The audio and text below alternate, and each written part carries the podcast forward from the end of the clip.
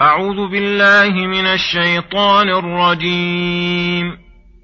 قل ادعوا الذين زعمتم من دون الله لا يملكون مثقال ذرة في السماوات ولا في الأرض في السماوات ولا في الأرض وما لهم فيهما من شرك وما له منهم من ظهير ولا تنفع الشفاعة عنده إلا لمن أذن له حتى حتى إذا فزع عن قلوبهم قالوا ماذا قال ربكم قالوا الحق وهو العلي الكبير قل من يرزقكم من السماوات والأرض قل الله وإنا أو إياكم لعلى هدى أو في ضلال مبين بسم الله الرحمن الرحيم. السلام عليكم ورحمة الله وبركاته. يقول الله سبحانه قل ادعوا الذين زعمتم من دون الله لا يملكون مثقال ذرة بالسماوات ولا في الأرض. الآية أي قل يا أيها الرسول للمشركين بالله غيره من المخلوقات التي لا تنفع ولا تضر ملزما لهم بعجزها ومبينا بطلان عبادتها. ادعوا الذين زعمتم من دون الله أي زعمتموهم شركاء لله. إن كان دعاؤكم ينفع فإنهم قد توفرت فيهم أسباب العجز وعدم إجابة الدعاء من كل وجه. فإنهم ليس لهم أدنى ملك لا يملكون مثقال ذرة في السماوات ولا في الأرض على وجه استقلال وعلى ولا على وجه الاشتراك ولهذا قال وما لهم أي تلك الآلهة الذين زعمتم فيهما أي في السماوات والأرض من شرك أي لا شرك قليل ولا كثير. فليس لهم ملك ولا شركة ملك. بقي أن يقال ومع ذلك فقد يكونون أعوانا للمالك ووزراء له فدعاؤهم يكون نافعا لأنهم بسبب حاجة الملك إليهم يقضون حوائج من تعلق بهم. فنفى تعالى هذه المرتبة فقال وما له؟ أي لله تعالى الواحد القهار منهم أي من هؤلاء المعبودين من ظهير أي معاون ووزير يساعده على الملك والتدبير. فلم يبق إلا الشفاعة. فنفاها بقوله ولا تنفع الشفاعة عنده إلا لمن أذن له. فهذه أنواع التعلقات التي يتعلق بها المشركون بأندادهم وأوثانهم من البشر والشجر وغيرهم. قطعها الله وبين بطلانها تبيينا حاسما لمواد الشرك قاطعا لأصوله. لأن المشرك إنما يدعو ويعبد غير الله لما يرجو منه من النفع فهذا الرجاء هو الذي أوجب له الشرك. فإذا كان من يدعوه غير الله لا مالكا للنفع والضر ولا شريكا للمالك ولا عونا وظهيرا للمالك ولا يقدر أن يشفع بدون إذن المالك كان هذا الدعاء وهذه العبادة ضلالا في العقل باطلة في الشرع. بل ينعكس على المشرك مطلوبه ومقصوده فإنه يريد منها النفع فبين الله بطلانه وعدمه وبين في آيات أخر ضررها على عابديها وأنه يوم القيامة يكفر بعضهم ببعض ويلعن بعضهم بعضا ومأواهم النار وإذا حشر الناس كانوا لهم أعداء وكانوا بعبادتهم كافرين. والعجب أن المشرك استكبر عن الانقياد الرسل بزعمه أنهم بشر ورضي أن يعبد ويدعو الشجر والحجر استكبر عن الإخلاص للملك الرحمن الديان ورضي بعبادة من ضره من ضره أقرب من نفعه طاعة لأعدى عدو له وهو الشيطان. وقوله حتى إذا فزع عن قلوبهم قالوا ماذا قال ربكم؟ قالوا الحق وهو العلي الكبير.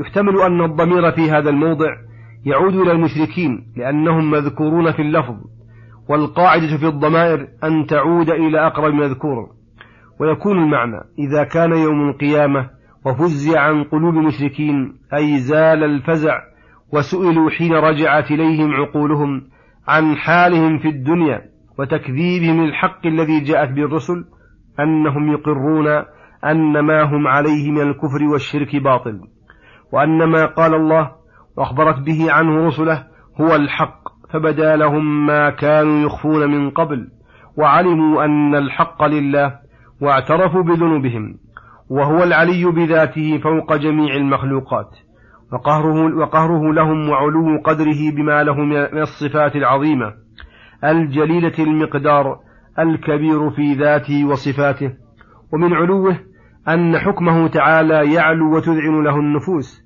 حتى نفوس المتكبرين والمشركين وهذا المعنى أظهر وهو الذي يدل عليه السياق ويحتمل أن الضمير يعود إلى الملائكة وذلك أن الله تعالى إذا تكلم بالوحي سمعته الملائكة فصعقوا وخروا لله سجدا. فيكون أول من يرفع رأسه, رأسه جبريل فيكلمه الله من وحيه بما أراد. فإذا زال الصعق عن قلوب الملائكة وزال الفزع فيسأل بعضهم بعضا عن ذلك الكلام. الذي صعقوا منه ماذا قال ربكم؟ فيقول بعضهم لبعض قال الحق إما إجمالا لعلمهم أنه لا يقول إلا حقا وإما أن يقولوا قال كذا وكذا للكلام الذي سمعه منه وذلك من الحق. فيكون المعنى على هذا أن المشركين الذين عبدوا مع الله تلك الآلهة التي وصفنا لكم عجزها ونقصها وعدم نفعها بوجه من الوجوه كيف صدفوا كيف صدفوا وصرفوا عن إخلاص العبادة للرب العظيم. العلي الكبير الذي من عظمته وجلاله أن الملائكة الكرام والمقربين من الخلق يبلغ بهم الخضوع والصعق عند سماع كلامه هذا المبلغ ويقرون كلهم لله أنه لا يقول إلا الحق. فما بال هؤلاء المشركين استكبروا عن عبادة من هذا شأنه وعظمة سلطانه ملكه وسلطانه. فتعالى الملك الكبير عن شرك المشركين وإفكهم وكذبهم. ثم يأمر تعالى نبيه محمد صلى الله عليه وسلم أن يقول لمن أشرك بالله ويسألهم عن صحة شركه قل من يرزقكم من السماوات والأرض فإنهم لا بد أن يقروا أنه الله ولئن لم يقروا قل الله فإنك لا تجد من يدفع هذا القول.